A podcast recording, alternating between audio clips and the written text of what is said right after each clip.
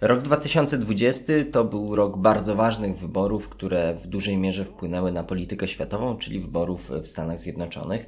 My obserwujemy chyba najważniejsze w tym roku wybory na świecie, wybory w 2021 roku, wybory w Niemczech, które na pewno doprowadzą do zmiany kanclerza. Zobaczymy, czy także do zmiany całego układu rządzącego.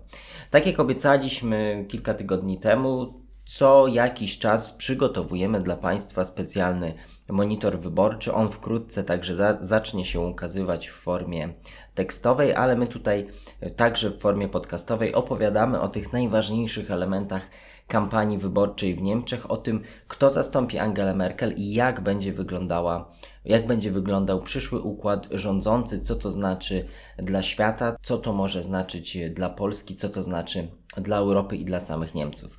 Dzisiaj skupimy się na zbliżających się wyborach landowych, ale także na partii Zielonych. A o tym będę rozmawiał z Kamilem Frymarkiem. Dzień dobry. I Michałem Kędzierskim. Dzień dobry. To jest podcast Ośrodka Studiów Wschodnich.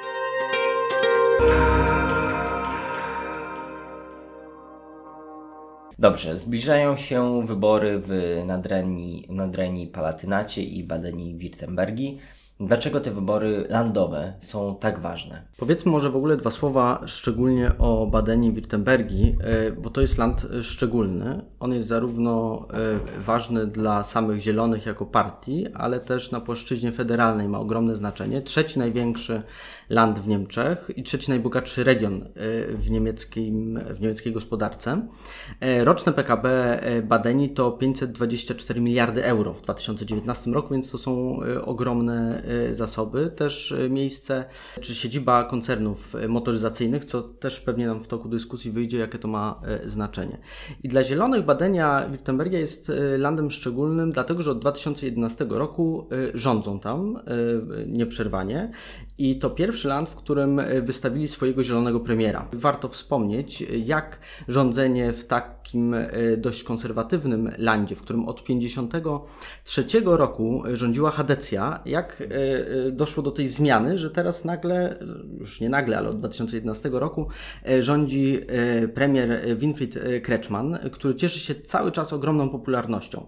I to jest jeden z filarów tej popularności zielonych i prawdopodobnego ich sukcesu 14 marca w tych wyborach e, landowych, e, a drugi e, to jest stosunkowo umiarkowana polityka, którą oni tam uprawiają od 2011 roku. I to trochę wbrew też swojej partii na poziomie federalnym. I Kretschmann od w zasadzie początku, jak stał się premierem, wychodził z takiego założenia, że owszem, to, co partia w Berlinie czy w innych landach robi, jest istotne, ale musi bardzo zwracać uwagę na to, co w jego regionie jest e, dla jego wyborców najważniejsze, chociażby nieoczywista rzecz, jeżeli chodzi o zielonych, to znaczy wspieranie tego przemysłu motoryzacyjnego. Mm, ostatnio w, też w pandemii e, było to widoczne przy spotkaniach i negocjacjach z kanclerz Merkel. I to prowadzi do tego, że obecnie z e, pracy zielonego kanclerza w tym, czy premiera, nie kanclerza jeszcze, a premiera, w tym landzie zadowolonych jest 69% wyborców po drugiej kadencji. Mm, bardzo to jest dużo. bardzo Imponujące. Właśnie, jako dobre wyjście bazowe do y, y, wyborów, prawda? Także jest szansa e, zdecydowana, że mm, Zieloni albo te wybory wygrają, tam w tej chwili mają około 32% poparcia, czyli e, e, bardzo e, dużo. Drugą partią jest CDU, czyli ta partia, która przez szereg lat rządziła w tym landzie. Trzecia jest AfD, która ma 10% poparcia i SPD też podobnie. Ale te wybory są ważne nie tylko dla Zielonych, ale też dla innych partii w kontekście tej zbliżającej się elekcji federalnej. Wybory landowe bardzo często, które następują przed, przed elekcją do Bundestagu, potrafią zupełnie zmienić dynamikę procesu wyborczego na szczeblu federalnym. Takim dobrym przykładem wpływu wyborów landowych na politykę federalną był rok 2017, czyli poprzednie wybory do Bundestagu, mm, kiedy mm, porażka SPD w, najpierw w kraju Sary, gdzie zwycięstwo CDU, a konkretnie jeszcze do niedawna szefowej CDU Annegret Kramp-Karrenbauer zatrzymało wzrost poparcia dla SPD i Martina Schulza, który wtedy właśnie w, w marcu 2017 roku wydawał się być teraz po wyborze na kandydata na kanclerza SPD i szefa SPD, wydawał się być bardzo poważnym kandydatem do zastąpienia Angeli Merkel w, w jesiennych wyborach.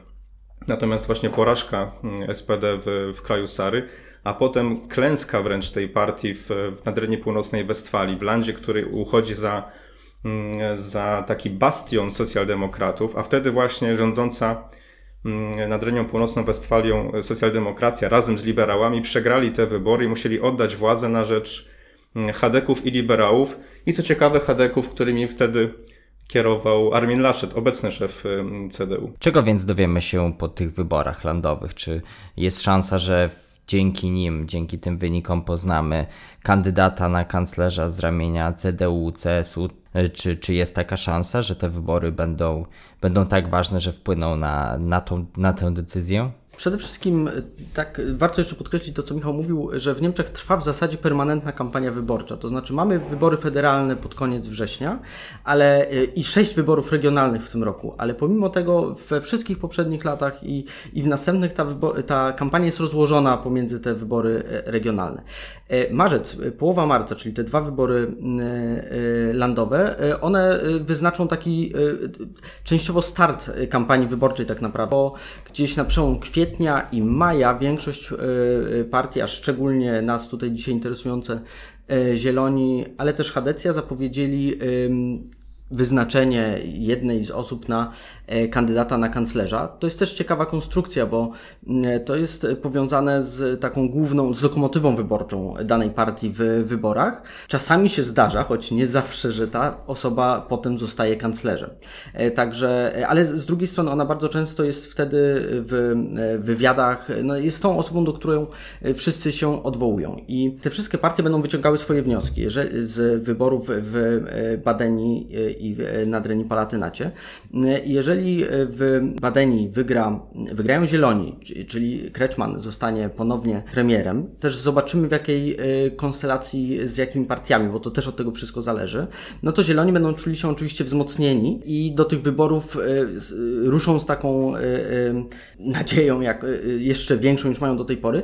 Ciekawy jest też terminarz pozostałych wyborów, bo w zasadzie miały być jeszcze wybory w Turyngii, które zostały przełożone z, z przyczyn pandemicznych na wrzesień. Następne wybory te regionalne odbędą się w czerwcu w Saksonii-Anhalt. Warto powiedzieć, że Zieloni y, mają mniejsze tradycyjnie poparcie na wschodzie y, Niemiec. Ono i tak w ostatnich kilku latach y, wzrosło dość znacząco, ale tam są spodziewane wyniki rzędu 10%. Natomiast jeżeli tych, te wybory jeszcze w Turyngii by się odbyły, no to stworzyłoby to takie pewne wrażenie, że owszem, mamy lepsze wyniki niż ostatnio, ale to nie jest jeszcze ten taki przełom, na który wszyscy czekamy. E, natomiast myślę, że to też będą ważne e, wybory te w Badeni dla Hadecji, e, bo jeżeli Hadecji uda się pokonać Zielonych, no to wtedy Armin Laschet, o którym wspomniał Michał e, udowodni e, swoją zdolność do wygrywania wyborów. No nie on bezpośrednio, ale że partia pod jego przewodnictwem, co pewnie da mu najlepszą pozycję do rozmów z drugim przewodniczącym tej chadeckiej rodziny, czyli z CSU, która te dwie partie decydują o tym, kto będzie ich kandydatem na kanclerza, czyli Markusem Zyderem z Bawarii. No, który z tych dwóch panów będzie kandydatem? Tak w tym momencie przedstawiają się szanse w tych wyborach w Badenii e, na dzień, w którym nagrywamy ten podcast, czyli 26 lutego? No na ten moment wydaje się, że pewne zwycięstwo mają, mają zieloni. Ich przewaga nad drugą w, w sondażach Hadecją jest wyraźna, kilkuprocentowa. A kolejne partie notują wyniki w okolicach 10, poniżej 10%. W związku z tym pytanie na koniec brzmi, kto, jak, jak, jaki kształt przyjmie koalicja wyborcza w Badenie-Württembergii. I to też właśnie da nam pewien, pewien sygnał, w którą stronę może podążać partia na szczeblu federalnym. Bo te koalicje na szczeblu landowym potem zawsze też mają znaczenie przy, przy formowaniu koalicji po wyborach do Bundestagu. W tym momencie w Badenie-Württembergii rządzi rządzą zieloni wspólnie z Hadekami od, od mm, pięciu lat. Matematycznie wydawałoby się, że to jest naturalne przedłużenie, że to będzie bezpieczna większość zielonych i, i, i Hadeków. Natomiast w mediach pojawiają się często informacje, na przykład takie, że, że Zieloni są rozczarowani współpracą z HDK-ami, że ta współpraca, że, że HDC hamują ich, ich pomysły na, na, na ten land. No to jest oczywiście z jednej strony mm, pewna gra przedwyborcza, kampanijna, a z drugiej strony kto wie, czy gdyby matematyczne szanse były na inną większość, to czy Zieloni nie poszliby w kierunku na przykład koalicji z, z SPD, czy, czy, czy SPD i liberałami. Tak, bo w Badeni jest jeszcze taka sytuacja, że e, część e, członków partii kontestuje ten kurs umiarkowany Kreczmana. To jest też ważne generalnie dla całych partii zielonych. E, na przykład jego polityka migracyjna. On miał bardziej konserwatywne podejście do tej polityki niż reszta partii zielonych. To znaczy na przykład opowiadał się za konsekwentnym deportowaniem osób bez prawa do azylu, które popełniają przestępstwa. To nie jest taka oczywista kwestia dla zielonych, a w związku z tym częściowo było to krytykowane jego stanowisko. No i pojawiają się też postulaty w tej badańskiej części Zielonych, y, że no, wszystko dobrze, ale ta polityka y, y, Kreczmana, naszego zielonego premiera, wcale nie jest aż taka zielona, jakbyśmy chcieli. Jest za mało radykalna, mówiąc inaczej. I y, to jest też taki kamyczek do, do tego ogródka, że na poziomie federalnym zieloni będą musieli dość mocno pilnować też tego tematu, żeby nie, idąc trochę w kierunku umiarkowanego y, y, wyborcy, nie zostawiać tych swoich podstaw, tej bazy wyborczej. Ale z drugiej strony, czy to właśnie nie jest przyczyna sukcesu? No właśnie, to jest, to y, wzmacnia Kreczmana, bo on mówi w takim przypadku, owszem, mam trochę inne stanowisko niż reszta partii w, tej, w tym obszarze, w migracji czy w mm, gospodarce podatki, na przykład też taka kwestia, on nie był za podnoszeniem podatków, ale zobaczcie, dzięki mnie macie jedyną osobę, która zasiada z kanclerz Merkel, jeżeli rozmawiamy o tych problemach pandemicznych w tej chwili, albo e, w Bundesracie to właśnie ja prowadzę negocjacje e, z innymi landami z tej pozycji e, premiera. W związku z tym no, Kretschmann będzie też odgrywał na pewno dużą rolę w przypadku ewentualnych negocjacji koalicyjnych po wyborach federalnych, czyli we wrześniu. Mm, e, no bo jego pozycja, mimo tego, że jest krytykowany, jest, e, e, jest niepodważalna. Porozmawiajmy chwilę o tych rządach zielonych w Badeni. Co one nam mogą powiedzieć o tym, jak ta partia mogłaby, jak może rządzić całymi Niemcami? Czy też ta frakcja, która rządzi w Badeni, jak rozumiem, frakcja umiarkowana z tego, co opowiadacie, czy ona teraz jest w jakimś szczególnym natarciu, czy te stronnictwa bardziej radykalne w podejściu między innymi do przemysłu samochodowego, ale nie tylko, czy, czy one teraz wiodą prym w partii zielonych. No i czy w efekcie, jak to w efekcie może wpłynąć na ten krajobraz powyborczy? Warto pamiętać o tym, że Badenia-Württembergia jest landem konserwatywnym, takim tradycyjnym, przez dziesięciolecia kształtowanym przez, przez Hadeków gdyby Kretschmann i tamtejsi Zieloni nie, nie preferowali takiej umiarkowanej, centrowej polityki, prawdopodobnie nie byliby, nie mieliby takich sukcesów e, jak obecnie. Warto o tym pamiętać, bo to też tłumaczy właśnie skąd ten, ten sukces zielonych w tym landzie. To jest oczywiście też e, wyznacznik tego, e, jak zieloni zachowują się, kiedy już rządzą, bo oczywiście co innego być w opozycji, krytykować rządzących pokazywać inne, inne pomysły, czasem nawet y, wydawałoby się zbyt daleko idące, a co innego, kiedy się jest u władzy i trzeba podejmować decyzje. I Zieloni w badaniu Wittenbergi pokazują, że potrafią być partią umiarkowaną. Mm, wspomniany przykład podejścia do, do przemysłu motoryzacyjnego. Przecież badanie Württembergia jest, jest siedzibą wielkiego niemieckiego koncernu motoryzacyjnego Daimler. Mercedes jako, jako marka jest przecież rozpoznawalna na całym świecie, jest dumą zarówno tego landu, jak i, jak i całych Niemiec. I Kretschmann jako zielony mm, okazał się być jednocześnie politykiem, który w, rok temu przy okazji kryzysu pandemicznego wbrew partii, swojej własnej partii na szczeblu federalnym Mm, apelował na przykład o to, żeby wprowadzić dopłaty do sprzedaży samochodów z silnikiem spalinowym, coś co absolutnie na szczeblu federalnym było nie do, nie do pomyślenia. Podobnie teraz e, w, w kontekście planowanych nowych przepisów unijnych co do norm emisji dwutlenku węgla. Też Kretschmann interweniował w, w Brukseli, żeby zatrzymać plany, które wydają się być dla niemieckiego przemysłu motoryzacyjnego zbyt niebezpieczne. Ale, ale to on jest w jakiejś awangardzie w Partii Zielonych, czy możemy się spodziewać, że jeżeli ta partia wygra, to będzie właśnie taka mniej radykalna, mniej zielona, bardziej umiarkowana? Znaczy od 2018 roku w federalnych zielonych dominuje nurt e, tak zwanych realos, tych polityków, którzy uchodzą za, za umiarkowanych. Zieloni są partią, która, która była od, od dziesięcioleci jest kształtowana przez dwa skrzydła, e, przez to bardziej umiarkowane i to bardziej um, radykalne. I od y, właśnie nowe przywództwo y, Roberta Habecka i Annaleny Baerbock, y, obie te osoby należą do tego umiarkowanego skrzydła i to one nadają ton w federalnym zielonym w, w, ostatnich latach. Tak, to jest właśnie ciekawe, y, że to, o czym jeszcze wspomniałeś y, wcześniej, y, czy te postulaty zielonych na płaszczyźnie federalnej będą takie bardziej radykalne, bardziej zielone, czy może bardziej badeńskie, konserwatywne.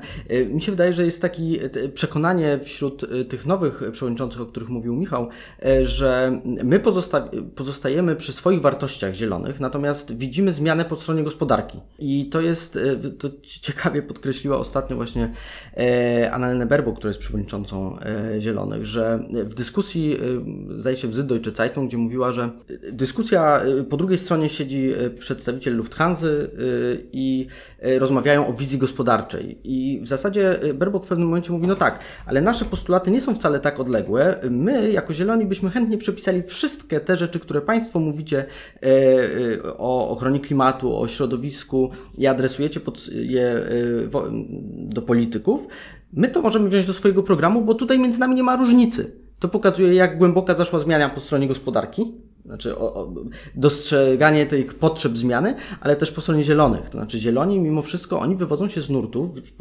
Partia powstała w, na przełomie lat 70. i 80. z ruchu protestu lewicowego, pacyfistycznego, mocno krytykującego w, swoim pierwszym takim głównym programie kapitalistyczny kapitalistyczne podejście do gospodarki, że ono y, raczej y, przeszkadza w ochronie klimatu przez konsumpcję, przez różne inne rzeczy, niż jest w stanie go naprawiać. W tej chwili, w zeszłym roku pod, przyjęto taki nowy zupełnie program podstawowy, w którym w zasadzie jest ta logika odwrócona. Gospodarka i technologie pomogą nam uratować świat Y, y, i dzięki temu y, nasze zielone wartości zostaną uratowane. Także tutaj doszło chyba do tej zmiany po stronie zarówno gospodarki, jak i po stronie zielonych i to jest ta lekcja z Badeni, to znaczy to umiarkowanie i gotowość do zmiany swojego programu, zieloni widzą, że to gwarantuje sukces. Ale też debata na pewno w Niemczech przesunęła się na tę stronę zieloną. I te postulaty też, które wydawały się niegdyś radykalne, dzisiaj albo są częścią głównego nurtu, albo na pewno nie brzmią tak skrajnie jak kiedyś. Znaczy większość postulatów można już śmiało powiedzieć, że znajdują się w głównym nurcie. Od 2018 roku obserwujemy znaczący wzrost, znaczący wzrost zainteresowania niemieckiej opinii publicznej problematyką klimatyczną. Mm, to wszystko wzięło się między innymi od ruchu Fridays for Future w, w jesienią, który powstał w latem 2018 roku, a w Niemczech pojawił się na szeroką skalę mm, jesienią tego roku. Pojawiła się w Niemczech, można nawet powiedzieć, taka moda na, na problematykę klimatyczną.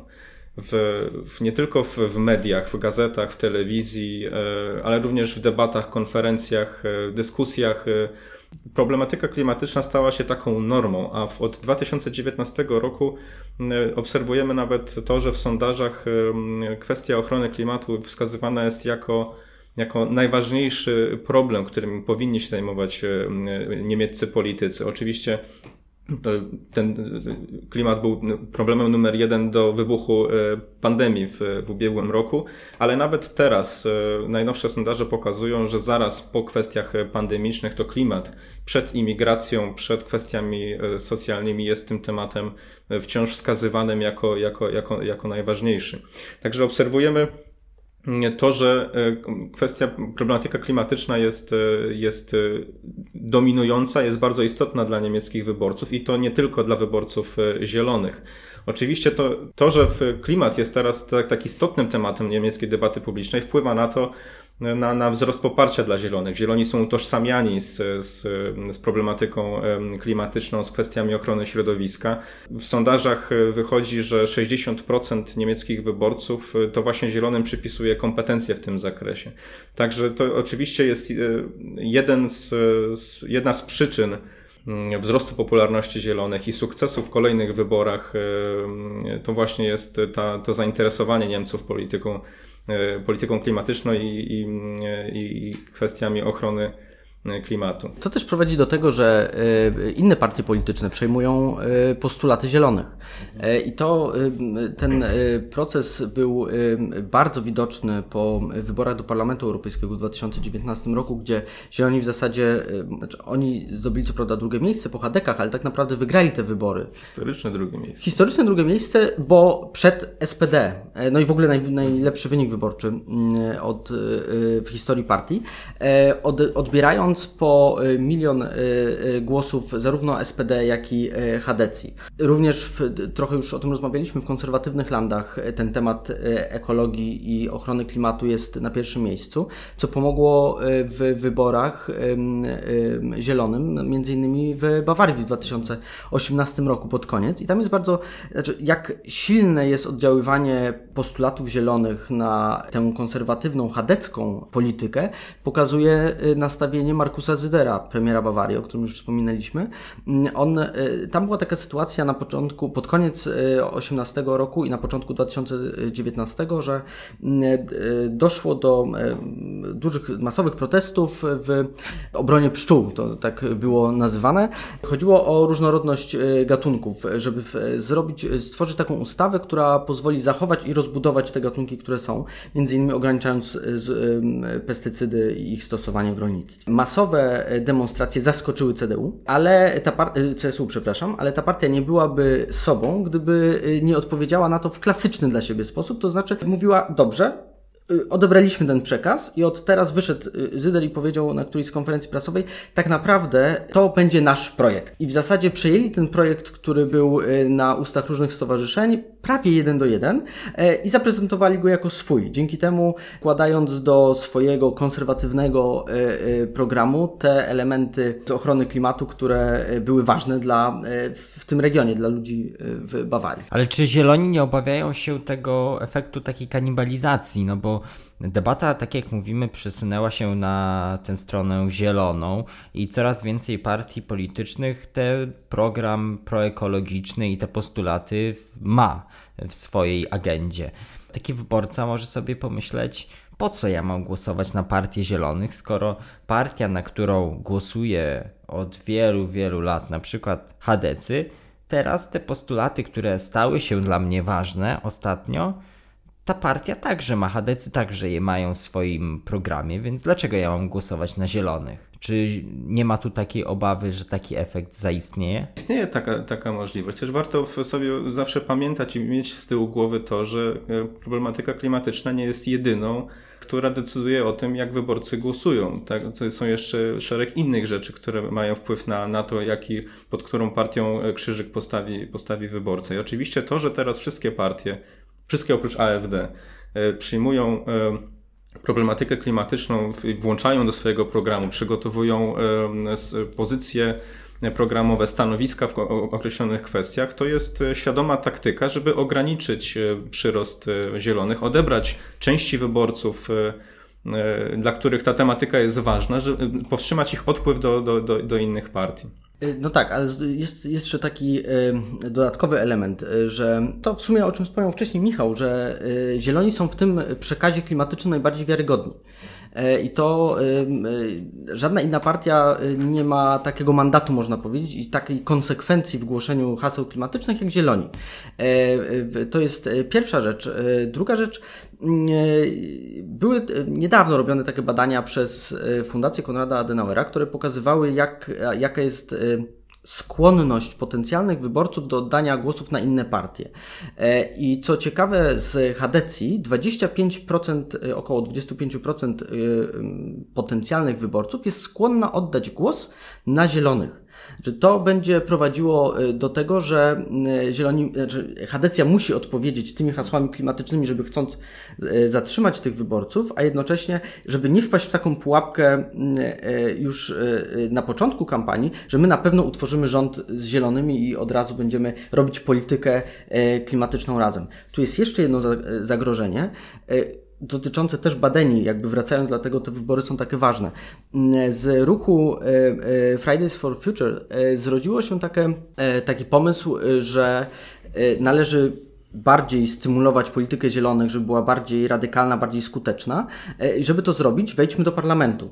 E, I te inicjatywy się pojawiają w Badeni i w, e, w Berlinie, bo w Berlinie też będziemy mieli wybory landowe pod koniec, znaczy we wrześniu, razem z wyborami federalnymi.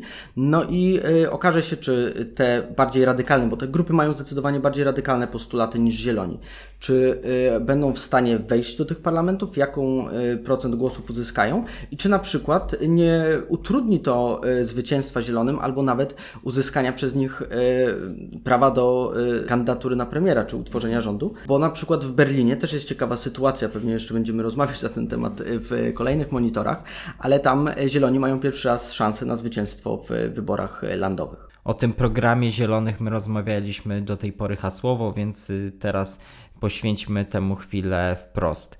Jednym na pewno z najważniejszych y, punktów tego, co chcą zrobić zieloni, ich podejścia do, do państwa, są kwestie związane oczywiście z transformacją energetyczną.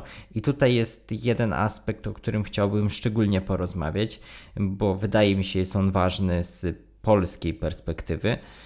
To jest kwestia podejścia do energii atomowej. Tutaj zieloni są bardzo sceptyczni, także co do inwestycji, tego typu inwestycji w regionie, także u sąsiadów, więc także w Polsce. Tak, trzeba pamiętać o tym, że sprzeciw wobec energetyki jądrowej należy do DNA Partii Zielonych. Ona z tego ruchu antyatomowego lat 70. wyrosła Także nie ma co się dziwić, to nie jest nic zaskakującego, że Zieloni są e, najbardziej przeciwną energetyce jądrowej mm, partią. Mm, I też e, takie wystąpienia, e, postulaty Partii Zielonych krytyczne wobec planów dotyczących energetyki jądrowej w państwach ościennych też nie są niczym nowym. Zieloni krytykowali na przykład przedłużenie funkcjonowania elektrowni jądrowych we Francji. Mieli też, krytykowali też politykę tamtejszego rządu w, w, w Belgii, też w, w, odniesieniu do znajdującego się blisko granicy z Niemcami, um, znajdującej się blisko granicy z Niemcami elektrowni. Także ten sprzeciw nie, nie, nie dotyczy tylko i wyłącznie jak najszybszego wyjścia z energetyki jądrowej samych Niemczech, ale ogólnie w Unii Europejskiej. Zieloni traktują energetykę jądrową jako zbyt drogą, jako niebezpieczną i z takimi argumentami wychodzą do opinii publicznej, apelując o to, żeby ten system energetyczny był oparty w 100% na odnawialnych źródłach energii, które w, w, ich perspektywie są nie tylko ekologiczne, ale też e, bezpieczne i, w, no i po prostu opłacalne. To jest ich e, retoryka w tym kontekście. Zieloni oczywiście, jeśli chodzi o transformację energetyczną, są um, najbardziej e, pryncypialnie nastawioną do tej, do tej kwestii e, partią, najbardziej bezkompromisową.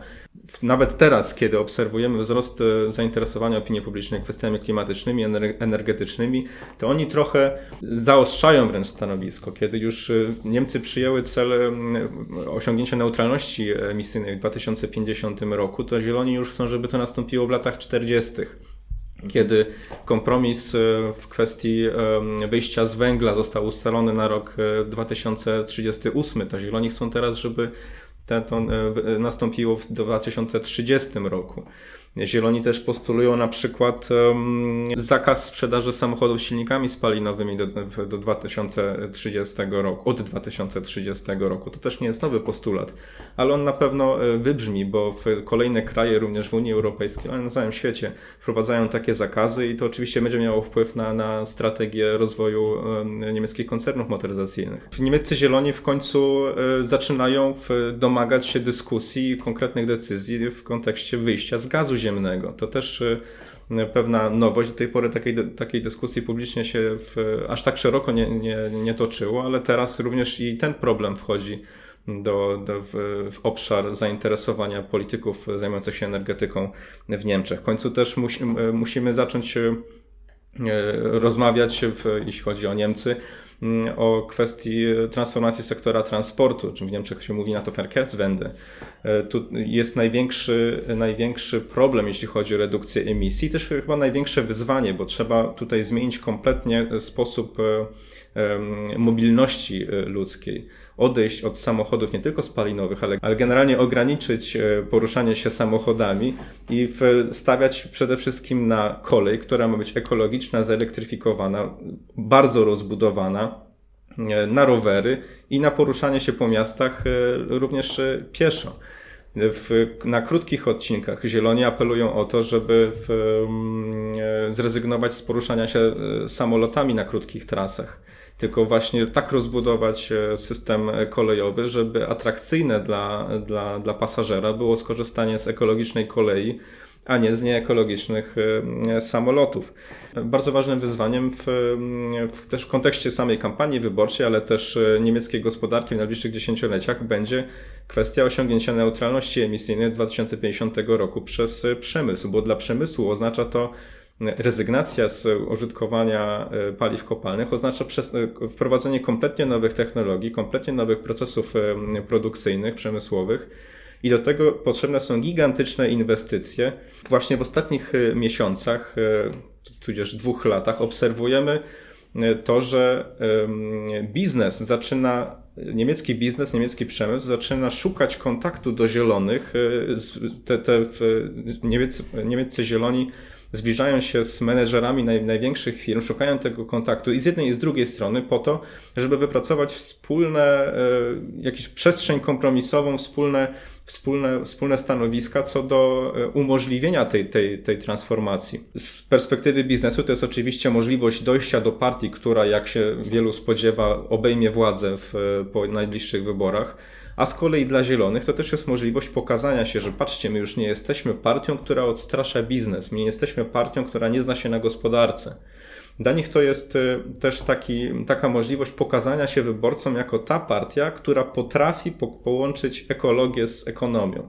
To jest taki, mm, taki bonmot, który teraz przewija się często w, w niemieckich mediach y, w kampanii wyborczej, że to jest to wyzwanie, które czeka Niemcy w najbliższych dziesięcioleciach, czyli zielona transformacja gospodarki. I zieloni próbują się pokazać jako ta partia, która właśnie to potrafi. Ja bym y, podkreślił dwie jeszcze rzeczy. Pierwsza taka, że y, zieloni mają y, problem z taką łatką, że są partią jednego tematu. Znaczy, że oni muszą wyjść z takiego z, mm, na kampanię wyborczą, żeby pokazać nie, wcale nie, my mamy bardzo szerokie spektrum programowe i to też trochę jak y, przyjrzymy się, y, jakimi obszarami zieloni rządzą w poszczególnych landach, jakie mają kompetencje, to zobaczymy, że tam się przejawia, y, przewija. Także oczywiście energia, klimat i jest na pierwszym miejscu, ale jest i rolnictwo, jest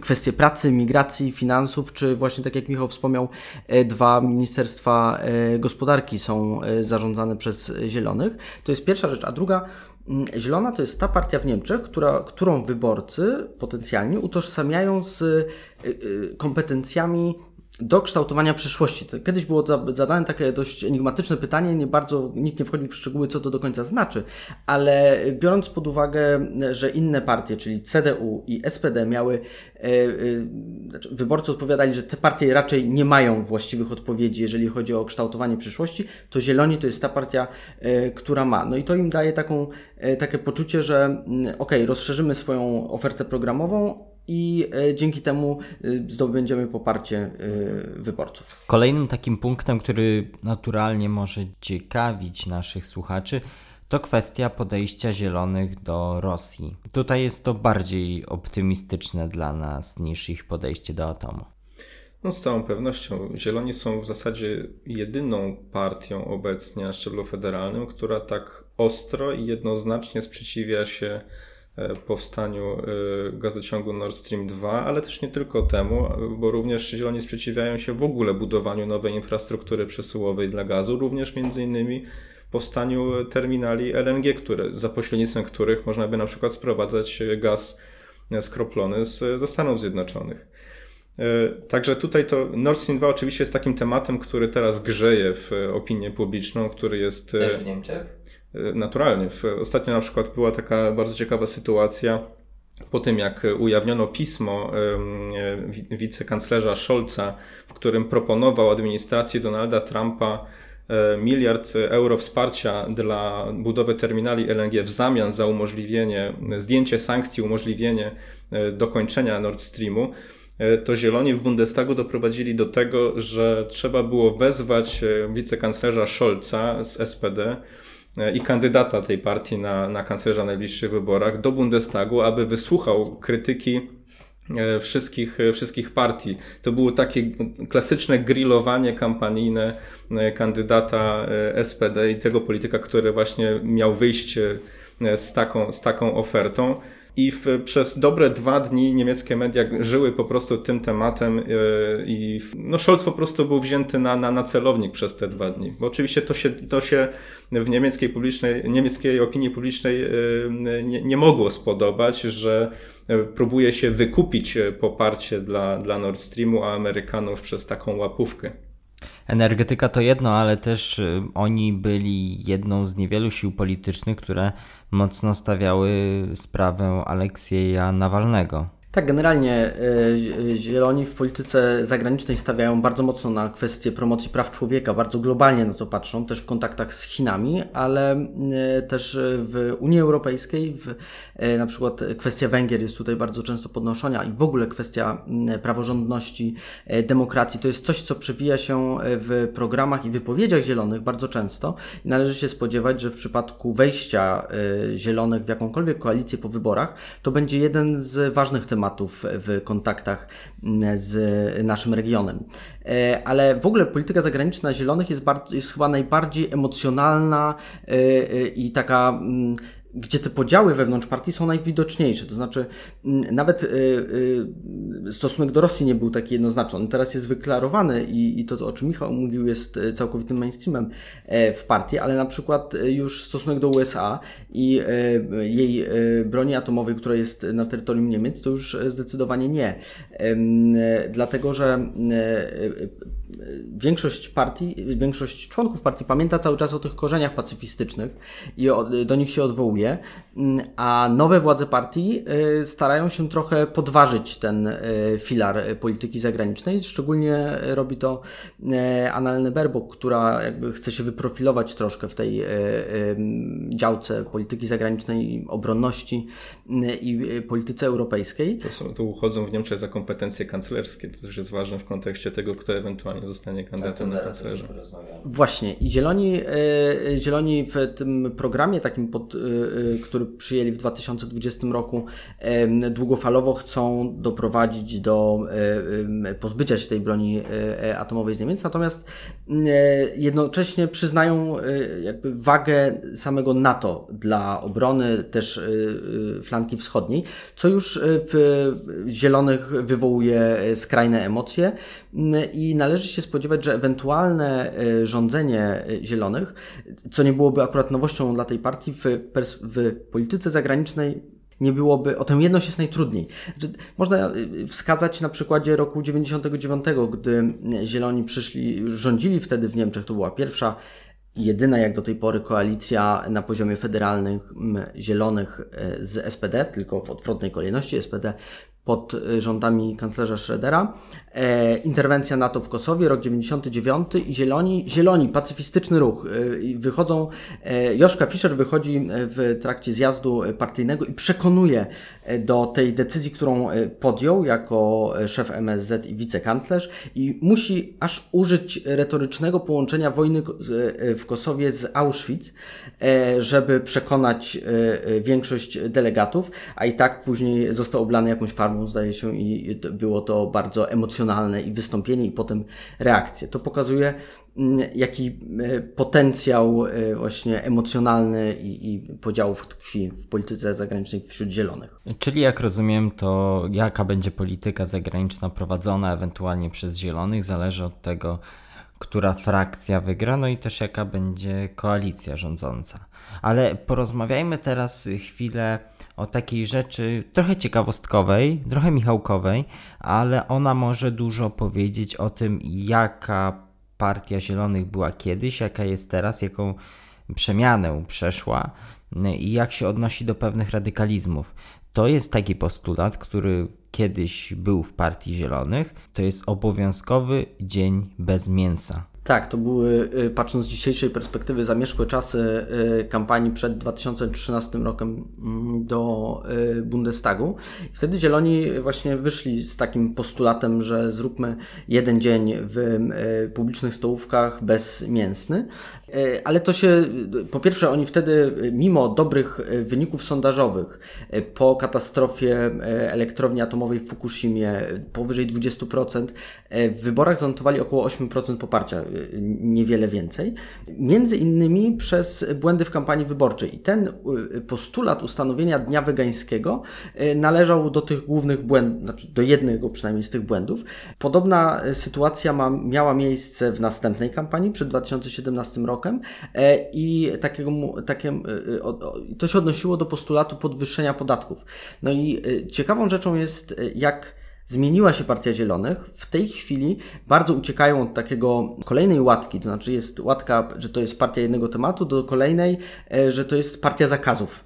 E, I to właśnie w nawiązaniu do tego, e, o czym mówiłeś, starają się strasznie ucinać szybko takie dyskusje i nie, nie forsują tak kontrowersyjnych postulatów, co więcej, w kilkanaście dni temu był e, wywiad w szpiglu szefa frakcji e, Zielonych, Antona Hofreitera, który mgliście zasugerował, y, że y, budowanie domów jednorodzinnych nie jest tak ekologiczne jak budowanie y, domów wielorodzinnych, co w zasadzie od razu wykorzystały inne partie w kampanii, mówiąc o tym, że no tak, dojdą zieloni do władzy, zakażą nam mieszkania i budowania domów jednorodzinnych. To zieloni widzą sami, że to może przeszkodzić im w dobrym wyniku wyborczym i władze partii bardzo szybko zareagowały po tym wywiadzie, odkręcając, nie, nie, to nie nie tak miało być, nie, nie, nie do końca e, Hofreiter miał to na myśli, w ogóle media to przekłamały i tak dalej, i tak dalej. Więc bardzo chcą uciec od tego e, przekazu i wyciągnęły lekcje zdecydowanie z tych poprzednich kampanii, błędów kampanijnych. Mówicie, że Zieloni nie chcą uchodzić za partię jednego tematu, więc jakie to są jeszcze tematy? Z jakimi mm, postulatami Zieloni idą do wyborów? Jakie kwestie są jeszcze dla nich ważne oprócz tych oczywistych? Ja bym wymienił trzy, to znaczy w polityce wewnętrznej wyraźny zwrot w kierunku bardziej y, y, konserwatywnej polityki wobec migracji. To znaczy y, po 2015 roku Zieloni byli tą part z partii, która opowiadała się za liberalnym kursem też kanclerz Merkel, potem wielokrotnie mm, krytykująca różne decyzje, że są zbyt, zbyt mało liberalne, zbyt mało osób dostaje pomoc w Niemczech. To się trochę zmienia. Nie tylko w Badeni, gdzie Kretschmann właśnie był takim prekursorem, ale także na poziomie federalnym y, y, były inicjatywy na przykład dotyczące deportacji osób podejrza podejrzanych o przygotowywanie zamachów w RFN. To jest jedna rzecz. Druga to są wszelkie kwestie równościowe. E, e, Zieloni jak mantra w swoim e, programie i wypowiedziach powtarzają, czy odmieniają przez wszystkie przypadki słowo równość ze względu na rasę, płeć, wiek, religię, wszelkie inne możliwe Mm, orientację, orientację tak, dokładnie wszystko. E, I to, e, e, to jest zapisane w ich DNA bardzo silnie, prawie tak jak klimat. I kwestia regulacji gigantów internetowych i w ogóle cyfryzacja połączona też ze szkolnictwem. To jest też ten temat, w którym Zieloni chcą być bardziej aktywni i myślę, że on będzie odgrywał też znaczącą rolę w kampanii wyborczej. Ja bym jeszcze dodał kwestię gospodarki, która w poprzednich kampaniach wyborczych dla Zielonych nie była tematem dominującym a od wielu miesięcy Zieloni zaczynają faktycznie profilować się jako ta partia, która ma też kompetencje gospodarcze i będzie w stanie poprowadzić e, Niemcy właśnie e, niemiecką gospodarkę w bezpiecznie, utrzymując jej konkurencyjność i pokazując nowe perspektywy w tej klimatycznej, neutralnej e, klimatycznie gospodarki. Tutaj jak rozmawiamy o Partii Zielonych, to często mówiliście o tym, że przewodniczących jest dwóch, a właściwie dwoje. I wyjaśnijmy to dla naszych słuchaczy, bo wcześniej tego nie zrobiliśmy. E, I to jest trochę nieintuicyjne, bo w polskiej polityce, z tego co pamiętam, taka sytuacja wydarzyła się raz albo dwa, gdzie było dwóch przewodniczących, współprzewodniczących. Tak jest w Partii Zielonych i to jest trend, który się w Niemczech pojawia. Ale skoro przewodniczących jest dwoje, to kto będzie kanclerzem? Kanclerz może być już tylko jeden. Kanclerz tak. E, I to jest właśnie pytanie e, za 100 punktów. E, nikt jeszcze na nie nie zna odpowiedzi. Być może dwóch tych przewodniczących, czyli Annelne Baerbock i Robert Habeck, na pewno rozmawiają na ten temat. Oni muszą, znaczy ogłosili, że powiedzą to na przełomie kwietnia, maja, jak to sami powiedzieli, jak drzewa się zalezielenią. W związku z tym będziemy obserwować to z uwagą. Natomiast z perspektywy logiki prowadzenia kampanii, wyborczej, ich sukcesu dotychczasowego. Wydaje się, tak jak z Michałem wcześniej już rozmawialiśmy, że jeżeli Baerbock będzie chciała być na kanclerza, to ma ku temu y, wszelkie szanse w partii, która na sztandarach wypisuje hasła równouprawnienia y, mężczyzn i kobiet. I ją zresztą bardzo często porównuje się do kanclerz Merkel, chociażby w tym takim bardzo sfokusowanym na detalach podejściu do kwestii politycznych. Ona jest w stanie w stosunkowo prostym językiem opowiadać też o skomplikowanych rzeczach, co jest piętą achillesową Roberta Habecka. To jest jedna, jeden z tych polityków, którzy. E, on jest w ogóle z wykształcenia filozofem, e, pisarzem książek i, i e, poczytnym autorem, ale w budowaniu takich taktyki politycznej i detalach często gubi się też w wypowiedziach politycznych. No, wypada się zgodzić z, z tym stwierdzeniem. Berbok od wielu miesięcy profiluje się jako polityk y, merytorycznie przygotowany do rządzenia. Obsadza kolejne tematy, które, które uchodzą w Niemczech za kompetencje kanclerskie, czyli politykę zagraniczną, politykę obronną, kwestie e, w końcu e, gospodarcze, również oczywiście energetyczno-klimatyczne, bo tu jest od, od e, wielu lat ekspertką ale również ten, te, i te pozostałe bardzo ważne z niemieckiego punktu widzenia um, obszary. I w zestawieniu z Habeckiem, który jest, um, który w, przez ostatnie dwa lata był nawet trochę suflowany w niemieckich mediach na, na potencjalnego nowego kanclerza, to jeśli, jeśli zobaczymy przygotowanie merytoryczne, umiejętność retorycznego tłumaczenia przekazu do wyborców, to tutaj Baerbock wypada o wiele lepiej. Natomiast w porównaniu z Habeckiem na jej niekorzyść na pewno działa to, że nigdy nie piastowało żadnego stanowiska rządowego. Habeck był ministrem e, w, w rządzie w Schleswig-Holsztynie, natomiast Baerbock nie ma takiego doświadczenia. E, I to na pewno byłoby jej wypominane w kampanii wyborczej, że to jest e, młoda polityk, która e, nie, nie ma przygotowane, nie ma niezbędnego doświadczenia do tego, żeby rządzić tak dużym, tak dużym krajem. Tylko, że ona też trochę robi z tego atut ze swojej młodości i z rodziny. Ona jest matką dwójki dzieci, stara się łączyć pracę zawodową z obowiązkami rodzinnymi, co w Zielonych to jest jakby na nich bardzo dobrze rezonuje. W pandemii w ogóle jednym z jej takich kluczowych tematów była właśnie połączenie opieki nad dziećmi, pracy, w ogóle te kwestie takie socjalne, społeczne i rodzinne. I e, myślę, że e, będzie starała się jakby pokazać tutaj w tym sensie swoje atuty, mimo tego niewielkiego doświadczenia, o czym wspomniał e, e, Michał. Jest jeszcze jeden wariant, który można by rozważyć, to znaczy, czy w ogóle będą musieli wskazać jakiegoś kandydata na kanclerza albo kandydatkę, bo e, przyglądając się obecnym sondażom, zmianie modelu zarządzania partią, ujednoliceniu tego wspólnego stanowiska i tak i temu, jak dobrze wychodzi im zarządzanie partią do tej pory, dwukrotnie zdobyli większość głosów delegatów jako przewodniczący partii, to znaczy piastują swoją funkcję już dwukrotnie.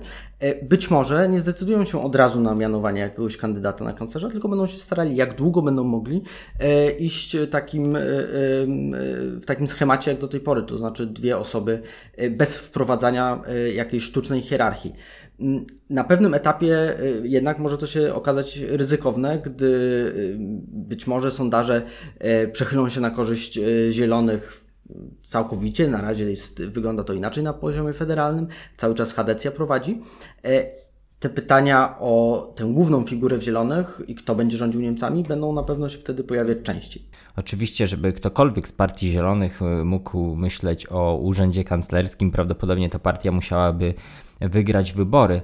Więc właśnie przechodzimy powoli do sondaży, do tego pytania, czy Niemcy, jak te liście na wiosnę zazielenią się i, i to Partia Zielonych będzie sprawować władzę, ale zanim chciałem zapytać Was o strukturę wiekową partii, bo tak intuicyjnie mogłoby się wydawać, że to młodzi są główną siłą napędową tego typu formacji. Y, tak, znaczy rozróżnimy dwie rzeczy. Y, sama struktura partii to jest generalnie najmłodsza partia z tych reprezentowanych w Bundestagu. Średnia wieku jest, y, wynosi 48 lat, ale dla porównania średnia wieku CDU i SPD to jest odpowiednio 61 i 60 lat. W związku z tym, patrząc na te dwie partie, widać dużą różnicę. Co więcej, 18% E, z członków partii ma poniżej 30 roku życia. E, patrząc perspektywicznie, na pewno jest to partia e, z przyszłością. Druga rzecz, miarą sukcesu Zielonych z ostatnich miesięcy, żeby nie powiedzieć lat, jest przyrost członków partii. Od 2015 roku w zasadzie doszło do podwojenia członkostwa wśród Zielonych do 100 tysięcy z kawałeczkiem mm, i duża część to są osoby młode, a trend w Republice Federalnej Niemiec i wśród partii jest odwrotny. To znaczy partie takie jak Hadecja czy SPD mające po 400 tysięcy członków, ich y, tracą te, te legitymacje partyjne. Natomiast Zielonym też udaje się mobilizować młodych wyborców i to jest dla nich też bardzo ważne w kontekście wyborów. W wyborach do Parlamentu Europejskiego w grupie wiekowej 18-24 lata to była partia, która wygrała te wybory, uzyskując tam 33% poparcia. No i znowu to daje Zielonym e, taki optymizm, że również w przyszłych wyborach, e, czyli tych do Bundestagu, mm, e, odniosą sukces. Warto jednak zaznaczyć, że to troszkę inaczej wygląda na wschodzie to poparcie na wschodzie we wszystkich grupach wiekowych jest dużo mniejsze niż na zachodzie. Jak wyglądają teraz sondaże? Na prowadzeniu jest dalej CDU-CSU, ale jak wygląda ten dystans między zielonymi a HDK-ami? No kilkanaście punktów procentowych. O ile CDU-CSU od już wielu tygodni poparcie dla, dla, dla oscyluje wokół 35%, o tyle e, Zieloni stabilnie y, znajdują się mniej więcej między 17 a 20%. E, w takim, w takim przedziale i cały czas są na drugim miejscu, wyprzedzając e, socjaldemokratów, którzy mają poparcie w okolicach 15-16%. I jako druga partia w sondażach z tak stabilnym e, poparciem, to też warto wspomnieć, że to nie jest pierwsza moda na, na zielonych. Zieloni mieli też bardzo wysokie poparcie po 2011 roku i katastrofie w Fukushimie, ale wtedy tą bańkę udało się przebić między innymi również tym, że kanclerz Merkel i ówczesna koalicja rządząca podjęła decyzję o wyjściu z energetyki, o przyspieszeniu wyjścia z energetyki e, jądrowej. Wtedy zieloni udało, tą bańkę zielonych udało się, udało się przebić. Teraz ich poparcie w zasadzie od połowy 2019 roku stabilnie oscyluje w okolicach 20%. I przynajmniej na razie nie wydaje się, żeby to się miało, e, żeby to się miało zmienić. Oczywiście kampania wyborcza dopiero się zaczyna, pewne rzeczy jeszcze się dopiero wydarzą. E, to też będzie inna kampania niż, e, niż te poprzednie. Po raz pierwszy nie będzie w charakterze lokomotywy wyborczej występowała kanclerz Angela Merkel. Nie wiadomo, kto będzie, jeszcze nie wiadomo, kto będzie kandydatem Hadecji na, na, na kanclerza. Nie wiadomo w końcu, co zrobią Zieloni. Przez ostatnie miesiące zapowiadali, że wskażą swojego kandydata. Czy tak się stanie, to jeszcze zobaczymy, ale, ale zapowiedzieli, że to zrobią to kto będzie tym kanclerzem, też zadecyduje w pewnym sensie o tym, mm, e, w którą stronę się będą, w, to, to, w którą stronę to poparcie, to poparcie może pójść. Też jeszcze nawiązując do poprzedniej kwestii, warto chyba zaznaczyć, że e, jeśli byłaby to Annalena Baerbock, byłaby to jedyna kobieta w stawce, bo socjaldemokraci wskazali Olafa Scholza, a w Hadecy mają do wyboru e, albo Laszeta, albo Zydera, czyli dwóch mężczyzn.